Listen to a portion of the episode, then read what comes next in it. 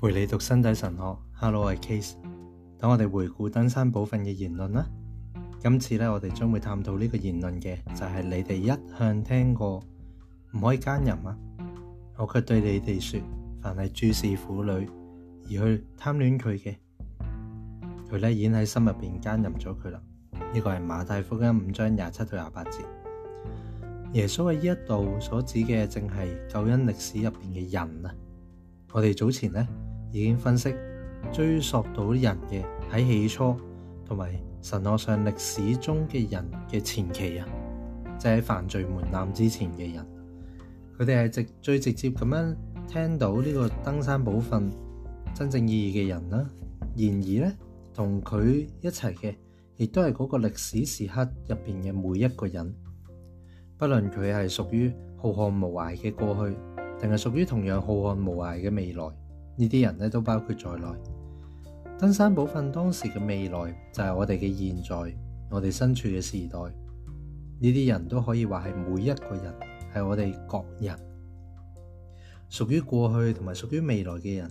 亦可能是唔可以兼任呢个明确嘅界命为律法嘅内容，就好似罗马书二章廿廿二到廿三节咁讲，亦都可能好似罗马书咁讲，已经将呢个界命咧。刻咗喺佢嘅心上，就好似罗马书嘅二章十五节根据我哋之前嘅探讨，呢啲嘅人啊，系来自创世奥秘嘅男人同埋女人，而且呢个奥秘入边人呢，自其起初开始就喺跨越佢嘅历史中嘅人嘅经验嘅门槛之前，已经对身体嘅意义有确切嘅体会。即係已知道身體係有一啲嘅意義嘅，透過身體去 get 到，誒唔係就咁見到動物就覺得佢係人啊，誒佢知道身體係孤獨嘅，誒同其他動物唔同，要去揾嗰個嘅配偶性嘅意義，要揾到另一半。當佢哋見到嘅時候，知道對方係誒自己相稱嘅助手，誒可以共用嘅，可以納約嘅。可以讲你我骨中嘅骨肉中嘅肉，嗰个身体嘅意义。佢系历史中嘅人，喺佢在世嘅旅程嘅起始，因为破坏咗同造物主缔结嘅盟约，而发觉到自己认识到善诺。佢系男人嚟嘅，认识到佢嘅妻子之后，多次认识咗佢，就使佢按住造物主嘅计划怀孕生子。而呢个计划可以追追溯到。原初清白无罪嘅状况，基督嘅登山宝训正系论及呢啲咁嘅人。佢论述嘅系一个身处特定历史时刻嘅人，同呢啲人喺埋一齐嘅系属于同一人类历史嘅全体人类。我哋已经注意到，基督系论述紧人嘅内心。基督嘅话具有明确嘅人学嘅内涵，即系讲乜嘢系人啊？触及到一啲构成适切嘅人学嘅持久意义，即系一种点样去论述乜嘢人系论述得好嘅妥当嘅，诶系合适嘅。咁又触及到一个咁嘅意义嘅，要掂到内心，籍住其中所在嘅伦理内涵，呢啲话同时都构成咁样嘅人学，而且可以话系喺度要求呢啲人进入佢完美嘅意象。即系乜嘢系 perfect 咧？乜嘢啱呢？咩系错呢？一个伦理嘅内涵。人系血肉，而且身为男人，藉住自己嘅身体同埋性，同女人保持关系，其实咁样都系唔可以奸淫嘅界命所指嘅，即系保持一种隔关系。佢必须根据基督所讲嘅话喺自己嘅内里，喺自己嘅心入边去寻找自我。心系人性嘅一个向导。直接关联到对于人嘅身体意义嘅感知，同埋呢种感知嘅系统。嗱，我讲多次啊，心系人性嘅一个向度，即系你要讲到人性，其中一样嘢就系要讲到内心嘅，系其中一个向度。呢个向度呢，系直接关联到对于人嘅身体意义嘅感知，佢感应到内心系感应到人身体嘅意义嘅。同埋咧，依個感知嘅系統，內心係講緊成個系統啊，個感知系統。我哋喺度思考兩種嘅意義，首先係之前提到嘅配偶性意義啦，仲有生育嘅意義，當中關乎嘅內心系統到底係乜嘢呢？我哋呢部分討論就必須要解答呢個問題嘅答案呢，唔單止係基於倫理學上面嘅理據。亦都係基於人學嘅理據，其實兩者係息息相關嘅。即係話，到底要做咩唔做咩，同到底乜嘢係人啊，兩者係息息相關。而家我哋先初步去講馬太福音五章廿七到廿八節呢段經文嘅意義，其中所運用嘅措辞嘅意思，以及呢啲措辞之間嘅關係。奸淫係上述界名直接提到嘅。以指違背咗男女之間只係夫妻先可以有嘅結合，咁呢個就係奸淫嘅意思啦。而呢種結合係咁親密，以至於佢哋會成為一體嘅。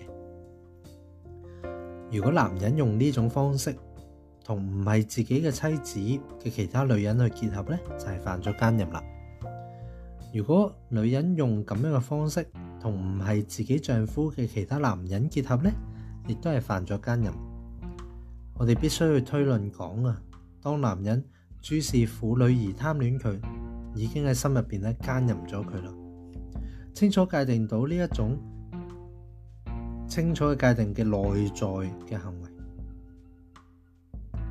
即係講緊唔係講緊你出边做啲乜啊，而係你內在嘅行為系一個清楚嘅界定啊。我哋論及嘅係一種貪戀啊，呢個貪戀係指男人貪戀。唔系自己妻子嘅女人，希望好似夫妻一样咁样同佢结合。再次引用《创世纪》二章廿四节嘅话，就系贪恋同佢二人成为一体啦。咁样嘅贪恋系一种用目光嚟表达嘅内在行为，亦即系用佢注视嘅方式所表达嘅。嗱，我讲多次啊，咁样嘅贪恋呢，系一种用目光，即系用你视线。嚟表達嘅內在行為，即係你已經有行為嘅喺內在發生咗，用咗你嘅身體係透過目光嚟表達呢種內在嘅行動嘅。OK，類似嘅聖經例子呢，就係大衛同埋拔士巴嘅故事啦。咁啊，即係撒母耳記下啦，誒十一章二節。咁大衛就係首先喺目光入邊發生一個內在嘅行為咁樣。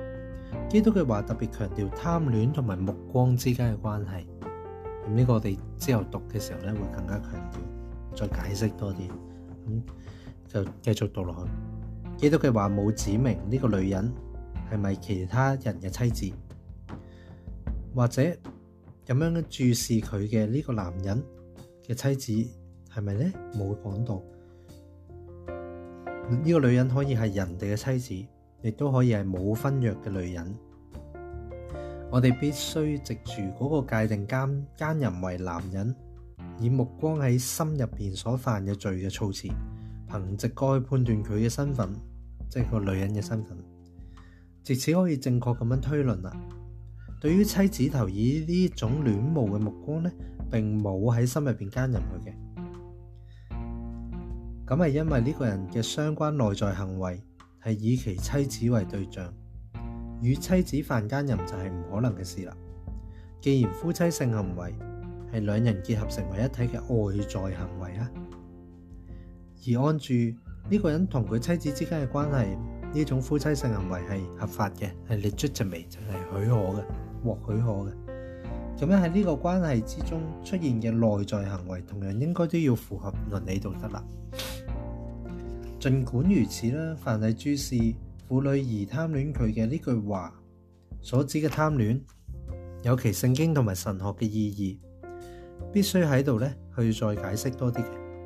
虽然马太福音五章廿七到廿八节嘅具体措辞本身系冇直接显示咁样嘅意义，但系佢哋系深深植根喺整个语境入边，即系整个讲嘢 context 入边，亦即系关乎身体嘅启示嚟。我哋必须回顾呢个语境，为使基督诉诸人心、诉诸人嘅内心嘅言论，得以道出佢圆满嘅真理。从根本上去睇上述嘅登山部分嘅言论呢，系有一个指示嘅性质嘅，即系话佢唔系净描述一件事，佢佢系想指向一啲嘢。基督论及呢个注视妇女而贪恋佢嘅人，系直接讲紧系男人。但系唔表示佢所讲嘅话所包含嘅伦理意义同女人冇关。基督如此去作出解释，系要运用具体嘅例子去说明点样按住立法者，即系上帝所赋予嘅意义理解成全律法，并进一步去理解遵守十诫入边第六诫嘅人呢，点样去清义啊，即系 l f i l l 佢嘅意。诶，成全佢嘅义，基督咁样嘅话系希望我哋唔好停留喺例子本身，而系要明白佢呢个例子所包含嘅完整嘅伦理同埋人学嘅意义。呢句说话系具有指示性嘅，意思系指啊，如果我哋遵照佢嘅步伐去做，就可以认识到有关历史中嘅人嘅普遍真理啦，即系唔系净系讲紧一件事一个例子。而係指向緊一個關於人嘅普遍真理，而咁樣嘅真理呢，其實對身體神學都同樣係重要嘅。咁下一次我哋再讀嘅時候呢，就會講落去啦。